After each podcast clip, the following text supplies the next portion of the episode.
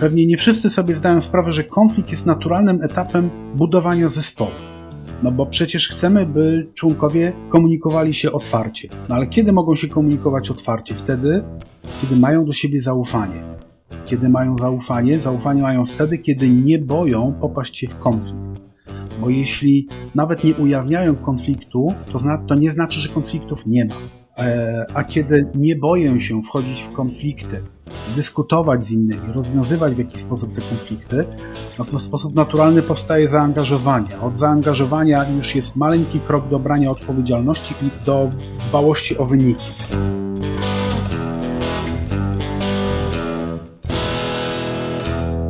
Cześć, nazywam się Tomek Miller, a to jest podcast Kaizen Miracle. Małymi krokami od pomysłu do zysku. Jestem certyfikowanym ekspertem badań Master Person Analysis. Pozwalają one na wydobycie z zespołów i menedżerów najlepszych ich zasobów. Przy okazji uczę i szkolę, jak wykorzystywać małe zmiany do dynamicznego rozwoju firmy. Uczę, jak aktywne słuchanie pomaga w pracy i w sprzedaży. Uczę też, jak budować efektywne zespoły. Ten podcast tworzę dla przedsiębiorców i tych, co chcą nimi zostać. Chcę, żebyś korzystając z zamieszczonych treści, małymi, średnimi lub wielkimi krokami, dużo szybciej niż dotychczas osiągał swoje cele biznesowe i prywatne. Słuchasz dalej? Serdecznie zapraszam. Cześć. Konflikty stanowią nieodłączną część naszego życia społecznego. Prędzej czy później każdy z nas znajdzie się w takiej sytuacji, gdy staniemy w sprzeczności i dążeniem innych osób lub nawet całych grup do osiągania ich celów. Do sytuacji konfliktowych dochodzi we wszystkich środowiskach w rodzinie, w pracy. Nie wszyscy wiemy jednak, jak ich unikać albo jak nimi zarządzać. Jak więc zachować się, gdy konflikt wybuchnie jak łagodzić konflikty, albo co zrobić, żeby wpływały pozytywnie na firmę, już za chwilę opowiem Wam o tym doświadczony praktyk zarządzania, mentor, doradca i konsultant biznesowy Cezary Wietrzyński. Cześć Czarku. Cześć Tomku. E, Czarku, jesteś już drugi raz gościem w moim podcaście, ale pewnie nie każdy Cię jeszcze zna. Przedstaw się proszę w dwóch zdaniach dwóch zdaniach kaizenowo, czyli bardzo krótko. Doświadczony lider, konsultant firm, konsultant dla konsultantów, mentor, partner dla zarządzających i właścicieli firm. Super, dzięki. Czarku, dzisiaj będziemy rozmawiać o konfliktach. Czy są możliwe firmy, gdzie nie ma konfliktów? Wiesz co, to w świecie idealnym być może. Mm, ludzie mają takie marzenia, żeby żyć w świecie bez podatków, bez konfliktów.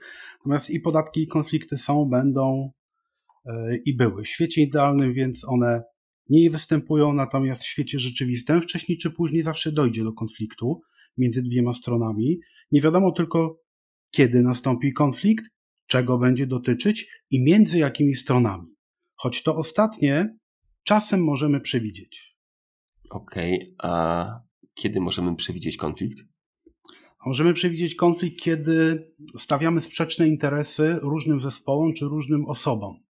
I tak mhm. na przykład w banku, jeżeli mamy zespół do spraw ryzyka i zespół do spraw sprzedaży, no to zawsze będzie istnieć konflikt między tymi zespołami, bo jedni chcą sprzedać jak najwięcej, a drudzy chcą sprzedawać bardzo bezpiecznie, czyli rzeczywiście tylko tym klientom, którzy mają e, bardzo dobre rokowania. Okej, okay. Dobrze. Czarku, co to jest konflikt i kiedy powstaje? No, trzeba sobie zdać sprawę przede wszystkim, że konflikt jest naturalną częścią naszego życia. No i tak jak wszędzie warto zacząć od definicji, ja bym powiedział tak, że jest to wyrażona sprzeczność interesów. Interesów mhm. rozumianych jako cele do osiągnięcia na przykład, lub na przykład wartości. W konflikcie mhm. muszą istnieć co najmniej dwie strony i dotyczy konflikt najczęściej ograniczonych dóbr, realizacji celów własnych, czy drugiej strony e, wartością, które wydają się niezgodne a strony muszą też być od siebie wzajemnie zależne. Jeżeli tej mhm. zależności nie ma, to konfliktu też nie ma. Mhm. Konflikt e, tak naprawdę rozpoczyna się w chwili, gdy co najmniej jedna ze stron zauważa, że jej cele, zadania są sprzeczne z celami, zadaniami drugiej strony, a druga strona blokuje bądź utrudnia realizację tych celów. Mhm. Konflikt najczęściej wynika z postrzeganej, a nie obiektywnej, istniejącej niezgodności. No i ostatnia rzecz, taka ludzka, konfliktowi najczęściej uczestniczą, y, towarzyszą silne emocje. Mhm. Okej, okay. to czy można hmm, zarządzać konfliktem albo pracować nad konfliktem właśnie bez emocji? No jeżeli nie ma emocji, to jest y, wymiana danych, wymiana poglądów, mhm. czyli tak jakby rozmawiały ze sobą no, dwa bardzo merytoryczne roboty. Ja mam w wynikach tyle, ty masz tyle, e, więc mhm. nie ma tutaj mowy o konflikcie, jest tylko e, normalna, zdrowa dyskusja. Mhm. Czarku, e, jakie są z Twojego punktu widzenia najczęstsze przyczyny konfliktu w firmach? To generalnie ja bym podzielił to na dwa rodzaje. Pierwsze to są takie trudno rozwiązywalne. One dotyczą w przeważającej części wartości, kiedy dwie strony podzielają zupełnie inne wartości e, oraz łatwiejsze do rozwiązania, ja bym powiedział nawet sterowalne, to są konflikty, kiedy są na przykład sprzeczne cele, e, czy też e, konflikty wynikające z tego, że preferowane są pewne grupy pracowników lub, lub pewni pracownicy. Mhm. E, te problemy czy przyczyny sporów w firmie, konfliktów, no to można też podzielić na problemy w komunikowaniu się, kiedy dwie strony mają inne informacje albo inaczej je interpretują. Właśnie te układy i powiązania międzyludzkie, różnice charakterów, stereotypy, brak empatii i elastyczności, kiedy jedna ze stron albo obie tkwią na swoich e, rubieżach i nie pozwalają na, na zmianę swojego stanowiska ale mhm. też przyczyną konfliktów może być unikanie odpowiedzialności, właśnie te sprzeczne interesy. Może też być wysoki poziom stresu, który właśnie powoduje jakiś wybuch. E, no ale też takie systemowe, czyli niejasny podział kom kompetencji. No i są też miejsca, gdzie konflikty są wpisane w zawód, na przykład policjant. Mhm. Okej. Okay. Widzę, że to portfolio tych konfliktów jest olbrzymie. A czy tak ogólnie możesz powiedzieć o tym, jak łagodzić konflikty w firmach, bo to jest podcast dla, dla przedsiębiorców.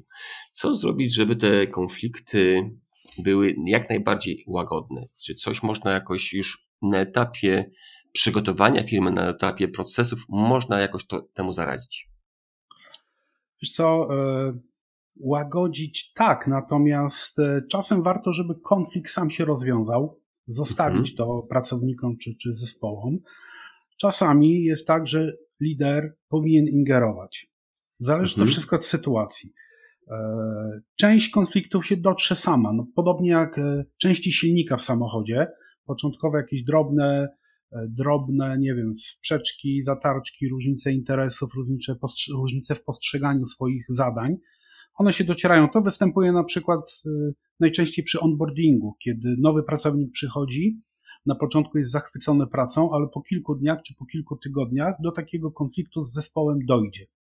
Mhm. E, natomiast tam, gdzie są duże konflikty, gdzie mogą trwać czy mieć negatywny wpływ na firmę, no to zadaniem lidera jest uczestniczyć. I to nie jest komfortowe, jednak kiedy się coś dzieje, no to ja mówię liderom, rusz cztery litery, idź na gęba, pójdź tam, to jest właśnie twoja rola. Idź tam do tego konfliktu e, i zobacz rzeczywiście jak jest. Mhm. Od razu podpowiem słuchaczom, że gęba to właśnie to jest środowisko, w którym ludzie pracują. Tam, gdzie powstaje wartość dodana. Mhm. Okej. Okay. To powiedz mi, kiedy taki mm, lider ma odpuścić konflikt, a kiedy jednak ingerować? Jak to wyczuć?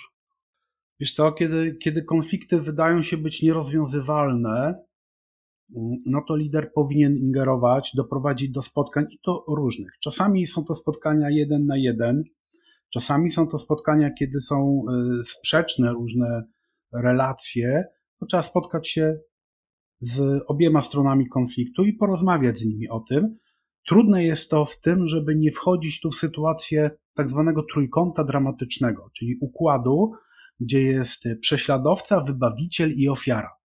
Mhm. Taki układ, gdzie y, lider przyjmie pozycję wybawcy, a z drugiej strony jest kat czy ofiara, albo przyjmie rolę kata, nie wróży tak naprawdę dobrze budowy, budowie budowie zespołu. Mhm. E, ja podam może taki przykład konfliktu, który e, no, został wywołany w jednym z moich zespołów. E, celem oczywiście moim nie było wywołanie konfliktu, natomiast gdzieś ten konflikt no, musiał nastąpić. Mianowicie miałem dwóch pracowników, powiedzmy Annę i Zofię. Anna, bardzo taka szara eminencja, bardzo silna osoba, która chciała mieć wpływ na wszystkie aspekty działania w firmie, również na szeregowych pracowników hali. Zofia z kolei e, była świeżo mianowanym kierownikiem hali. Nigdy mhm. wcześniej hala nie miała takiego kierownika, e, no bo zarządzała tak od czasu do czasu właśnie pani Anna. I któregoś dnia Zofia, która poczuła się odpowiedzialna za halę, i to było bardzo dobre i oczekiwane, kiedy przyszła Anna na halę i zaczęła coś pracownikom mówić, co mają robić inaczej, z pominięciem nowego kierownika, to Zofia nie wytrzymała i krzyknęła na całą halę: Anka, ty weź uporząd uporządkuj swój pierdolnik, a potem przychodź na halę. Mhm. Prawie, prawie dosłowny cytat. Ja oczywiście siedziałem gdzieś, gdzieś obok produkcji, słyszałem to, no i pytanie, czy reagować w takiej sytuacji. Moja decyzja była krótka, oczywiście, że nie. To jest w tej chwili, na tym etapie, sprawa między nimi, te nowy układ musi się dotrzeć. Natomiast to ciekawe, Zofia przyszła do mnie po pół godzinie czy po godzinie, jak już emocje jej opadły i zapytała się mnie, czy mam kartkę papieru, bo ona chyba teraz powinna złożyć rezygnację. Mhm. Ode mnie usłyszała, ale dlaczego? Bardzo dobrze, jesteś kierownikiem hali, jesteś odpowiedzialna za halę. Mhm. Tak? Ten konflikt gdzieś wymagał potem delikatnej interwencji, natomiast gdzieś dwie strony musiały się ze sobą dotrzeć. No nie jest rolą lidera też to, żeby e, w każde relacje gdzieś tam wchodzić, tak? regulować je, bo wtedy, kiedy lidera nie będzie, to, to nie, mogą, nie mogą się te relacje rozsypać. Lider nie mhm. może być wąskim gardłem. Okej. Okay. To właśnie, jak przygotować zespół, żeby rozwiązywał konflikty między sobą? Wiesz co? Y, no przede wszystkim ja robię tak, że zapowiadam zawsze, że konflikty będą. E, że one muszą nastąpić i nawet chcę, żeby były konflikty, dlatego że one umożliwiają, czy pozwalają na mm, obejrzenie problemu czy sytuacji z różnych stron. Mhm. E, I dzięki temu e, każdy z nas ma więcej informacji, może spojrzeć na problem z różnej strony i wymyśleć więcej rozwiązań. Poza tym mm, myślę, że warto jest na samym początku albo gdzieś, gdzieś po pierwszym konflikcie na przykład stworzyć e, zasady spierania się razem z potencjalnie konfliktującymi się. Jak spieramy się? Czyli na przykład e, spieramy się otwarcie, angażujemy emocje, uczucia, Wykorzystujemy równo pomysły wszystkich, słuchamy siebie, oddzielamy przedmiot konfliktu od osób, czyli żadnych ataków personalnych to nie będzie akceptowane. Udzielanie sobie wzajemnego feedbacku, stosowanie komunikacji asertywnej i coś, co jest bardzo proste w powiedzeniu, ale dla niektórych bardzo trudne, mówienie o potrzebach i wyjaśnianiu intencji. I na mhm. końcu wzajemny szacunek. Kiedy będziemy mieli w jakikolwiek sposób określone zasady, to kiedy konflikt będzie się rozwijał, jesteśmy w stanie szybko odwołać się do tych zasad, bo przecież wszyscy wcześniej je ustaliliśmy. Mhm. A jak takie zasady tworzyć? Czy tu ma być jakieś spotkanie wspólne i wspólnie mamy je ustalać, czy lider może takie mm, zasady rozwiązywania konfliktów narzucać? E, no pójdźmy w skrajność. Wyobraźmy sobie lidera, mhm. który znalazł zasady rozwiązywania sporów, a jest tego trochę w internecie, wydrukował, powiesił i już uważa, że sprawa jest załatwiona. Mhm. Czy zespół je przyjmie jako swoje, czy zaakceptuje? Wątpię. Mhm. Tak. Lider nie może robić tego samodzielnie. Oczywiście, że może sugerować zespołom e, czy pracownikom, co on by chciał, natomiast to tak naprawdę zespoły będą będą uczestniczyć w tych konfliktach i te zasady muszą być ich. Po to, żeby mhm. w momencie właśnie występowania tych silnych emocji można było się odwołać do zasad, które oni zaakceptowali, a akceptują najwięcej wtedy, czy najbardziej są e, z nimi zidentyfikowani, kiedy to są ich zasady. Więc nawet jeżeli Mhm. one nie są idealne, to przyjmijmy je takie, jakie są. Być może przyjdzie czas na jakąś korektę, bo wyciągniemy jakieś wnioski z konfliktu, że tego nie przewidzieliśmy i trzeba by dopisać do zasad jeszcze jeden czy dwa punkty, albo Mhm. któryś usunąć. Czarku, mm, bardzo mi się podobają te zasady, e, ale jestem też ciekaw, jak ty to widzisz, bo e, mam wrażenie, że gdy dwie osoby rozmawiają o jakimś przedmiocie sporu, to są Mhm. bardzo zaangażowane emocjonalnie. I ciężko im tak komputerowo, czy tak e, na liczbach, to oddzielić tych emocji od, tych- od samych danych.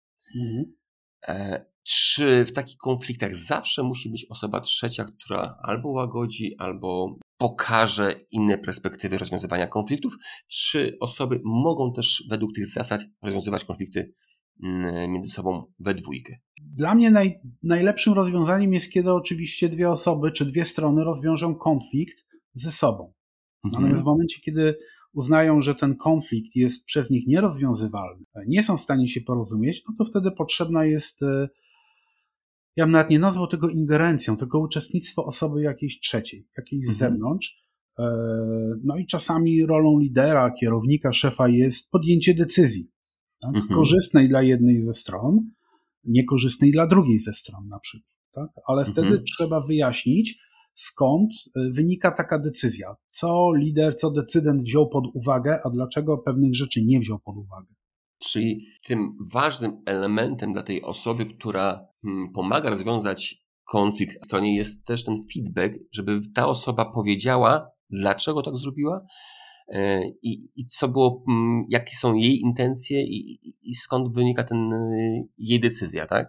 Tak, tak. I intencje, ale też potrzeby, tak? Że na przykład y, Mhm. polityka firmy, czy strategia firmy w tej chwili idzie bardziej na przykład w kierunku terminowości, czy jakości, czy na przykład zmniejszenia cen, Mhm. dlatego decyzja jest y, taka, a nie inna. Okej. Czarku, czy konflikty mogą być pozytywne?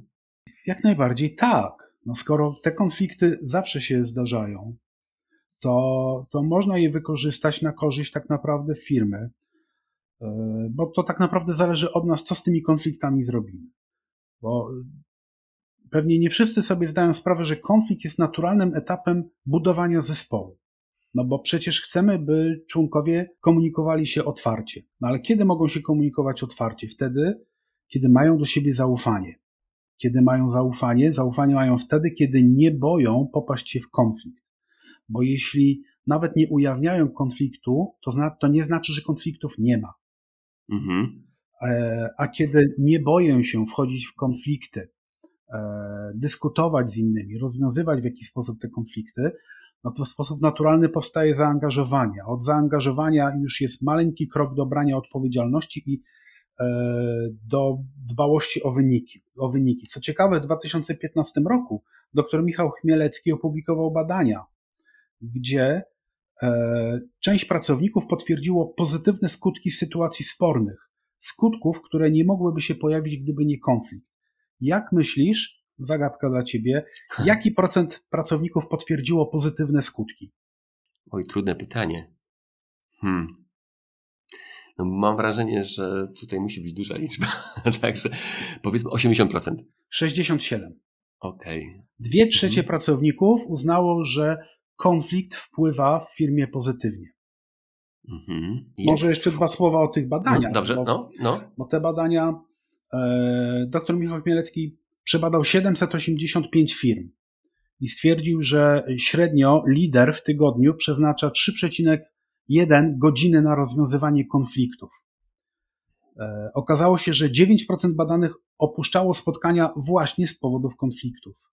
31% pracowników unika spotkań towarzyskich, e, na których miała przyjść skonfliktowana część zespołu.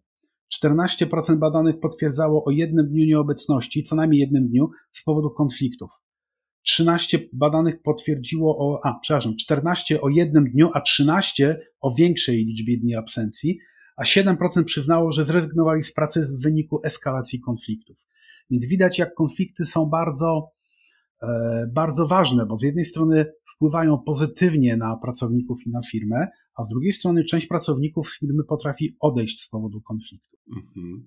Czarku, to skoro dwie trzecie pracowników uważa, że konflikty są przydatne, to jak polubić konflikty? czy, czy jest to możliwe? Załóżmy, że jesteś liderem firmy i wiesz, że te konflikty będą zawsze. E, wiesz, że musisz je rozwiązywać, ale to zawsze jest taki bagaż emocjonalny, który jednak wpływa na ciebie. Czy można polubić konflikty w zespole? Co? Powiem szczerze, że nie wiem, czy można polubić, natomiast mhm. wiem, że one są. To tak jak nie wiem, czy można polubić podatki. Podatki mhm. też są. Natomiast zdecydowanie pomaga e, nazwanie różnych rzeczy. To znaczy, kiedy spotykasz się z dwiema stronami, to mówisz, mamy konflikt, nazywasz to. Nie mhm. chowasz głowy w piasek, że wszystko jest w porządku, nie nakładasz lukru, tylko mamy tu sprzeczność interesów. W związku z tym zobaczmy, jakie są źródła tego konfliktu, a potem co można z tym konfliktem zrobić. No bo mhm. pytanie, czy konflikt dotyczy dwóch osób, czyli to są, czy to jest konflikt interpersonalny, czy to jest mhm. międzygrupowy, może ten konflikt dotyczy sprzeczności w obowiązkach, może niedokładnych danych, czy niedopowiedzenia. I e, warto konflikty ukryte przekształcać w jawne. Tak? Pokazywać, że one rzeczywiście istnieją, wystąpiły, bo to jest trochę tak jak e, ja ostatnio często używam w życiu zawodowym i w prywatnym analogii do takiego wulkanu. Przy którym wulkanie wolałbyś żyć? Przy takim, który codziennie troszeczkę tam zieje lawą i trochę wypuszcza gazów, czy taki co raz na x lat, gdzie x to jest od 5 do 100, a może do, do 200, wybucha, ale to bardzo potężnie. Mhm. No ja bym wolał mieszkać, jeżeli już to przy tym pierwszym wulkanie, gdzie konflikty, odpowiednik tej lawy, pojawiają się codziennie, ale one są małe i są rozwiązywane natychmiast. I kiedy mhm. rozpoznajemy te konflikty, no to warto, warto zobaczyć, jakie są źródła tego konfliktu, jakie, jakie są podstawy. Jest też jest takie koło konfliktów Mura, i ono mhm. mówi, że tych rodzajów konfliktów może być pięć. Oczywiście są inne systematyki, ja chcę się odwołać tylko do tego. To jest konflikt relacji, czyli stereotypy, emocje, zła komunikacja, konflikt danych, brak informacji, błędne zrozumienie, różne sposoby zbierania danych też może być, bo dwa zespoły będą dyskutować na temat jakiegoś zjawiska, ale one w różny sposób liczą. Konflikt interesów, czyli ograniczone zasoby, pieniądze, czas, sprzeczność w procedurach, tak jak właśnie kredyty i sprzedaż, przepraszam, ryzyko i sprzedaż. Konflikt strukturalny, czyli mamy różne role, różne kompetencje, no i konflikt wartości, różnice światopoglądowe, różnice e, kulturowe, no takie bardzo głębokie rozbieżności między, między stronami. Mhm.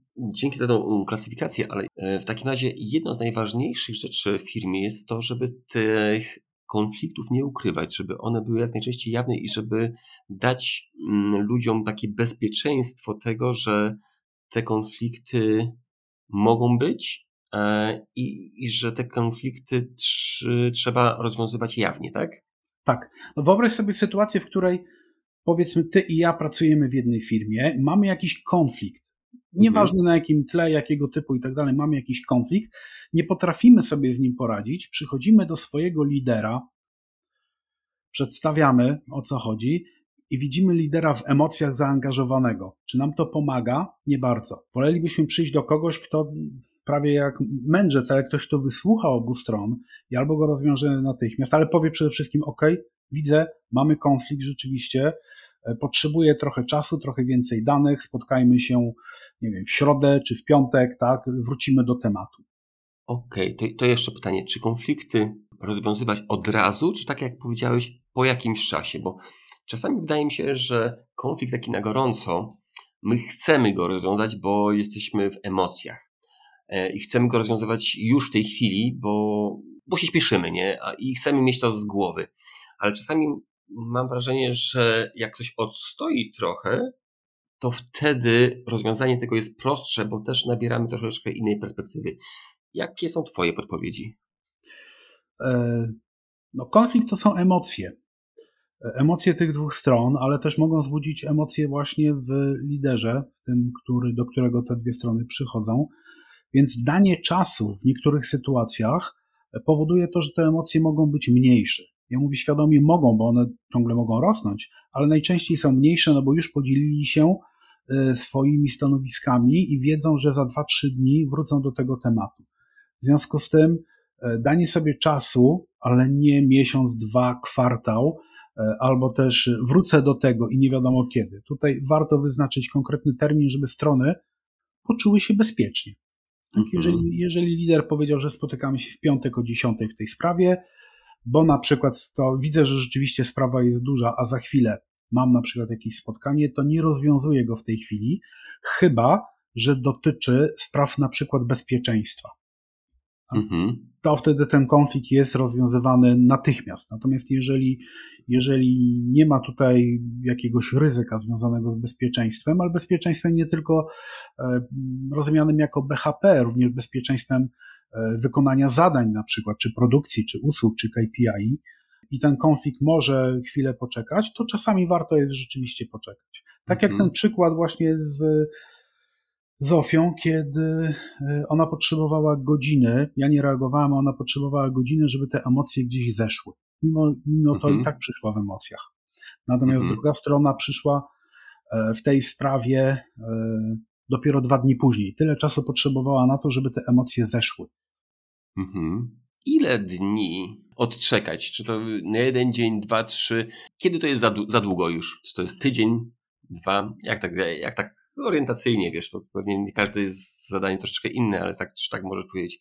Kiedy to jest nie za długo? O. O tym decydują tak naprawdę e, strony konfliktu. Kiedy im będzie się wydawać, że jest to za długo, natomiast e, lider może tylko przypuszczać. Tak? Mhm. E, najczęściej przy takich konfliktach, powiedzmy, średnich, które da się rozwiązać jakąś decyzją, to naprawdę to jest dzień, dwa, maksymalnie tydzień, no nie dłużej niż tydzień. Żeby nie sprawiać wrażenia, że lider unika rozwiązania konfliktu. Natomiast jeżeli jest to konflikt duży, strukturalny e, i na przykład orientujemy się, że sami wywołaliśmy ten konflikt poprzez na przykład e, nie, nieprawidłowy rozdział obowiązków czy uprawnień, no to wtedy trzeba powiedzieć tak, rzeczywiście widzę, że konflikt wynika z tego, że ty masz w obowiązkach, czy ten zespół ma w obowiązkach to, a ten zespół to i to jest sprzeczne, potrzebuje więcej czasu, bo to jest temat większy, będziemy pracować nad, nie wiem, nad nowymi obowiązkami i wtedy konieczne jest wyznaczenie jakiejś daty.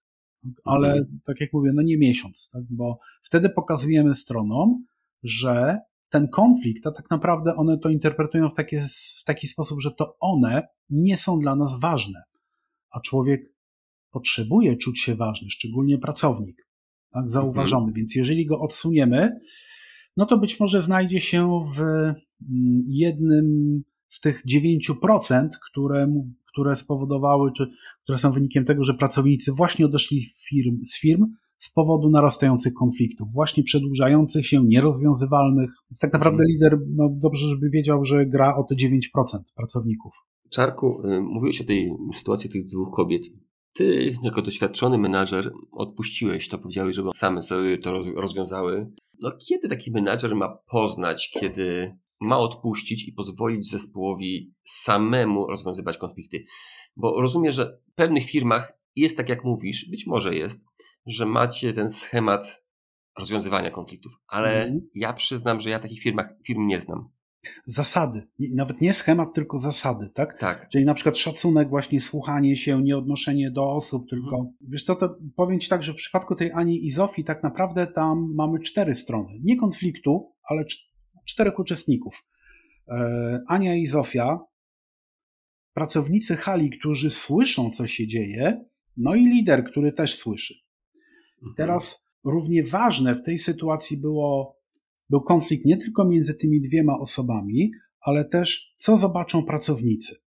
No w tym właśnie. przypadku pracownicy powinni zobaczyć, że nowo powołany kierownik rzeczywiście ma kompetencje rozumiane jako moc sprawcza. Nie tylko umiejętności, ale to, że on mhm. rzeczywiście zarządza tą halą. I w sytuacji, w której przyszedłby taki w cudzysłowie ojciec i rozdzielił te dwie strony, to to, co by zrobił, to pokazał całemu zespołowi na hali, że ich kierownik jest słaby i potrzebuje zwykle w takich sytuacjach dodatkowego wsparcia. W tym przypadku kierownik był na tyle silny, że ta interwencja absolutnie nie była potrzebna, a nawet gdyby była na oczach pracowników, byłaby szkodliwa dla nich, czyli dla zespołu, a w konsekwencji mhm. dla wyników. Okej, okay. fajnie to pokazałeś. A właśnie, powiedziałeś tu właśnie, że warto czasami, żeby zespół widział ten konflikt. Ale czy lepiej jest rozwiązywać właśnie konflikty w pokoju, czy tak jak właśnie w tym wypadku, lepiej, żeby to zespół widział na zewnątrz? Od, od wielu rzeczy to zależy. No, miałem taką sytuację, w, którym, w której zespół na przykład przychodził i mówił, że jeden z pracowników y, odstaje, to znaczy pracuje trochę, trochę słabiej, jakoś wolniej, no i ewidentnie zaczął się tam rozwijać konflikt. Y, kiedy zacząłem rozmawiać z pracownikiem, to miałem już na tyle zbudowane zaufanie, że pracownik powiedział mi wprost, że on ma depresję i się leczy na depresję. Tak? To już jest, y, to już jest bardzo poważna sprawa, kiedy trzeba bardzo dużej delikatności, jak ten, ten, ten konflikt załagodzić. No, ostatnią rzeczą, którą ja bym wtedy zrobił, to byłoby zawołanie i zespołu, i tego pracownika i powiedzenie: Słuchajcie, Karol ma depresję, weźcie taryfę ulgową na niego.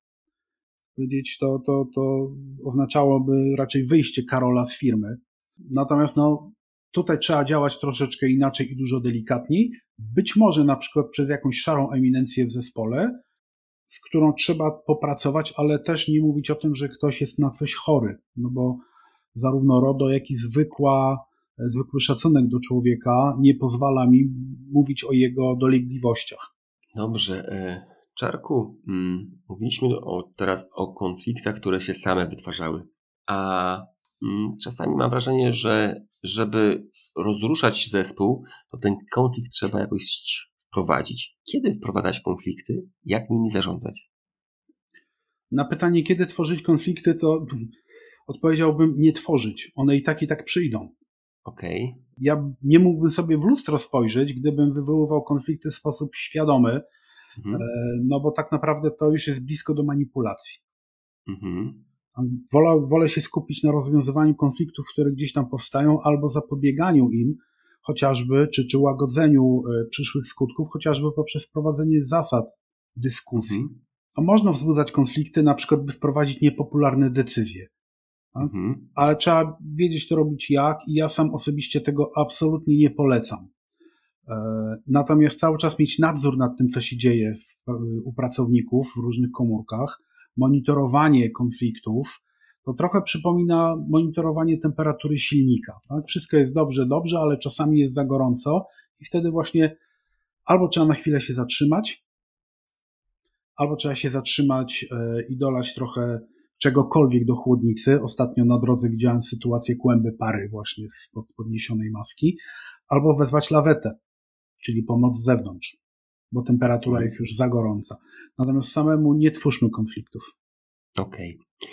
To powiedz mi, jak się monitoruje konflikty? Jak to robić?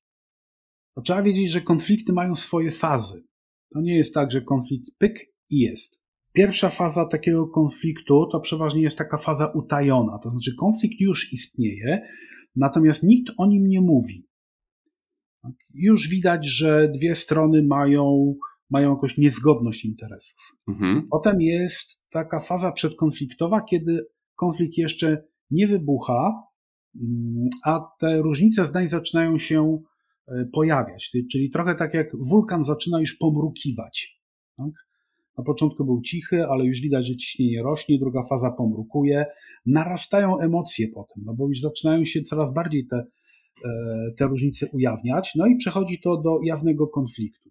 No i potem mamy fazę po konflikcie, e, czyli taką fazę na, w której no, duża jest rola lidera, jeżeli on uczestniczy w tym konflikcie nie jako strona, ale jako osoba, która gdzieś tam z boku, e, co z tego konfliktu wyjdzie. Tak? Tutaj ważne jest właśnie rozpoznawanie źródeł, ujawnianie tych konfliktów, dowiadywanie się, dlaczego konflikt, nawet ważne jest rozpoznać źródło, ale dlaczego ten konflikt nadal trwa. No bo skoro już wiemy, kiedy jest jawny konflikt, to znaczy, że do tej pory E, strony nie potrafiły rozwiązać tego konfliktu. No i oczywiście bycie bezstronnym, tak jak wspomniałam o tym trójkącie dramatycznym, nie wchodzić w rolę prześladowcy, ofiary i wybawiciela. Co ciekawe, lider, w cudzysłowie lider, też może wejść w rolę ofiary, bo powiedzieć może, a co ja mam z wami zrobić? Hmm.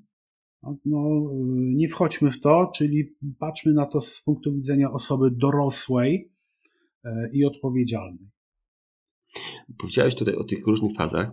Mhm. Jest ta pierwsza faza utajniona. Myślę, że każdy lider chciałby jak najszybciej zapobiegać konfliktom. Tak. Jak to rozpoznawać jak najszybciej? W jaki sposób rozpoznać, że tam coś może być? E, pewnie intuicyjnie często wiemy, ale czy masz jakieś takie własne podpowiedzi, jak, jak najszybciej mogę stwierdzić, że tutaj jest jakaś sytuacja zapalna?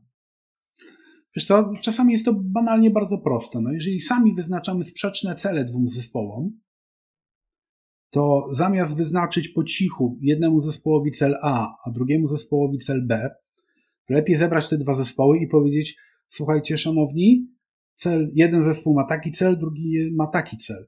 To jest e, konflikt interesu, ponieważ te cele są sprzeczne. Mhm. E, czyli ujawniać to. Tak, rzeczywiście wiem o tym, że natomiast od tego zespołu wymagam, nie wiem, jakości, a od tego wymagam czegoś innego. Natomiast w przypadku konfliktów trudno rozwiązywanych, dotyczących e, wyznawanych wartości, nie wiem, konfliktów e, dotyczących religii albo dotyczących nawet e, narodowości, no bo w dużej części firm, szczególnie produkcyjnych, pracuje teraz całkiem sporo osób z zagranicy i one no, mogą reprezentować sobą różne wartości. Wiadomo, że narody zachodnie bardziej lubią porządek. Na stanowisku pracy tak statystycznie, te na wschodzie bardziej nie, a w firmie chcemy wprowadzić 5S. No i już wiemy, że będzie jakiś konflikt, bo pracownicy ze wschodu raczej do 5S będą niechętnie podchodzić, ale już wiem o tym, więc mogę temu jakoś zapobiegać. Mhm. Czyli po pierwsze taka otwartość. Tak, nie upiększać, właśnie mhm. informować, że będą konflikty, słuchać, mhm. pytać, ujawniać i tak naprawdę nawet mówić wprost, że, że oczekuję konfliktów. Jeżeli jest jakiś konflikt, fajnie, to super, że chcę wam o tym się mówić, bo mhm. tego oczekuję, a nie chcę, żebyście siedzieli gdzieś tam po przekątnej na hali czy, czy, czy w różnych miejscach w firmie e, i żeby wam rosły emocje. No teraz mi się przypominała taka moja sytuacja, taką, mhm. że, ta, że ta otwartość musi być taka naprawdę, naprawdę szczera. Bo byłem w jednej firmie, gdzie szef mówił mi, Tomek, gdybyś miał jakiś pomysł, jakiś coś widział, to przyjdź do mnie e, ja żądam od ciebie, żebyś do mnie przyszedł. A później jak przychodziłem, powiedział, że jaki ty to jesteś, może w, może w innych słowach, ale pokazywał mi, że ja jestem głupi i mało wiem, że takich problemów nie rozwiązuję. Wiesz to, to ten twój przykład pokazuje hmm. taką część, e, nie boję się tego słowa hipokryzji. Mhm. E, jeden ze słuchaczy tego podcastu, on pewnie będzie wiedział dokładnie o co chodzi, ale przekazał mi kiedyś taki taką rozmowę z jego w zasadzie przełożonym, który powiedział: Słuchaj, jak będziesz miał problem, to przyjdź do mnie, ale nie mam czasu. Mhm. Tak w skrócie, tak? No to, to jest podobny przykład do Twojego. E, no, jednym z takich, z takich metod mm, braku hipokryzji jest to na przykład, kiedy przyjmuję pracownika do pracy, to w pierwszym dniu mówię: Słuchaj, będziesz miał kryzys chyba w poprzednim podcaście to, że to mówi, będziesz miał kryzys, jak będziesz miał kryzys, tylko nie wiem, czy to będzie jutro, czy za tydzień, czy za miesiąc, to przyjdź do mnie. Tak? I powiedz, że właśnie to jest ten moment. E, za każdym razem to się sprawdzało. Rzeczywiście każdy pracownik nowy, który przychodził do pracy, w pewnym momencie mówił: Mam dość, mam kryzys. E, natomiast wówczas e, rzucałem wszystko, nawet jeżeli było to coś ważnego dla, dla właścicieli czy zarządu.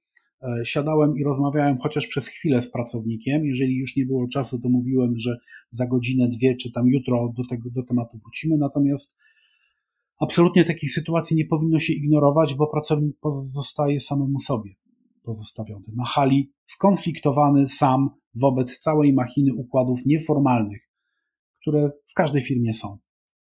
Mhm. Okej. Okay. Czarku, a co zrobić z osobami, które są konfliktowe założenia. Bo są osoby, które zawsze widzą, że ktoś źle zrobił, widzą wszystko u innych, tylko narzekają na innych, a nie widzą winy u siebie. Jak zarządzać takimi osobami? Czy się pozbywać, czy jednak wprowadzać jakieś sposoby na ich poprawę? Co zrobić? Na ich zmianę. Na ich zmianę. To, jest, to, to jest sytuacja, w której, no zobacz, mamy skonfliktowaną osobę jakąś z innymi osobami, czy z jakąś inną osobą. Mhm. E, no i teraz, czy tym stronom w firmie jest dobrze? Czy one będą pracować wydajnie w takim stanie? Absolutnie nie. W Mhm. związku z tym, czy możemy coś zrobić, żeby one razem ze sobą pracowały? Bo zwalnianie to jest ostatnia rzecz. Mhm. Więc yy, najczęściej warto sprawdzić, jakie są źródła konfliktu. Czy Mhm. można coś z tym zrobić? Tak?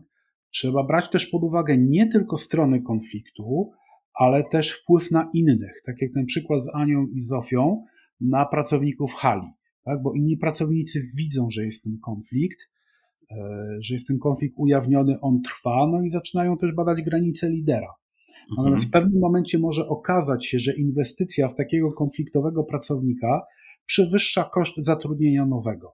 No to wtedy każdy lider, jeżeli e, widzi, że jest nieskuteczny, nie potrafi, e, nie ma miejsca dla tego pracownika w firmie, innego miejsca, gdzie można go przenieść i gdzie będzie mógł realizować, Mhm. no to niestety mogą być takie przypadki, kiedy trzeba z pracownikiem się pożegnać. Ja znam takie przypadki, które tak naprawdę skończyły się bardzo dobrze, bo potem okazało się, że zarówno firma odżyła, jak i pracownik odżył. Mhm. Tak? Są sytuacje zbadane, gdzie zwolnienie szefa sprzedaży skonfliktowanego z zespołem wpłynęło bardzo pozytywnie na wyniki sprzedaży. Fajnie, ja ostatnio też słyszałem taką sytuację, że był pracownik, który był uważany za taką konfliktową osobę Mhm. w firmie i że się nie nadawała do zespołu. Po jakimś czasie, gdy zaczęto szukać źródeł, okazało się, że obiecano mu awans, a na jego miejsce przyszła inna osoba.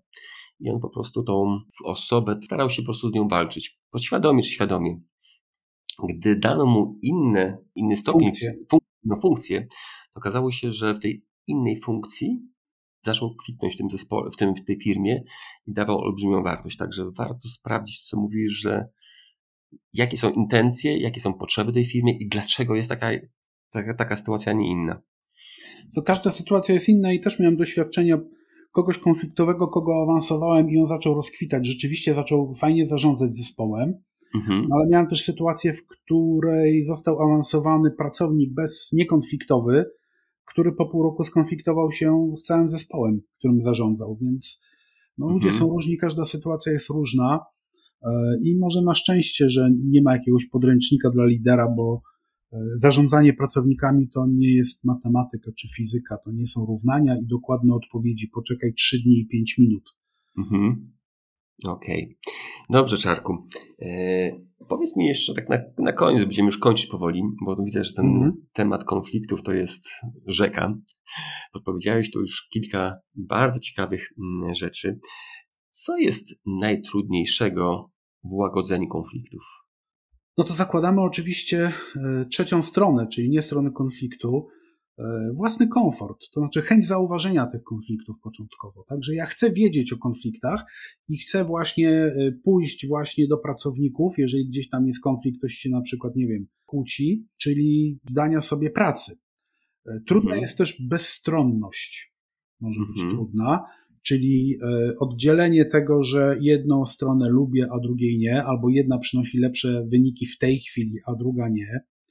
E, No i właśnie, właśnie podkreśliłbym ten własny komfort.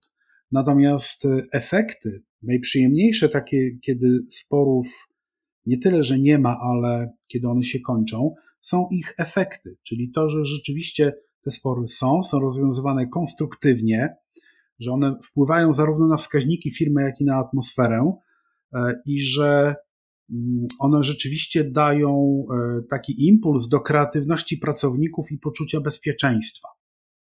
Mhm. Także mogę ten spór czy swoje zdanie wyrazić, bo kiedy pracownik nie ma możliwości wyrażenia swojego odrębnego zdania, to popadnie w bierność. Mhm. Czyli bardzo ważne jest to bezpieczeństwo pracowników w wyrażaniu swojego zdania. Tak, I taka otwartość na te konflikty, jeżeli będą konflikty, będziemy je rozwiązywać, rozwiązajmy według zasad, któreśmy wprowadzili, na wartościach, które mamy w tym zespole i które przygotowaliśmy razem wspólnie. dokładnie tak. I nawet w tych miejscach, gdzie człowiek pracuje na taśmie produkcyjnej, jak Charlie Chaplin w filmie Przykręcał śrubki, gdyby go posłuchać, to może w emocjach wyraziłby, że chciałby inny klucz albo wkrętarkę. Okej, super. Dzięki Czarku. Jeszcze na koniec jedno pytanie. Gdzie Ciebie można znaleźć?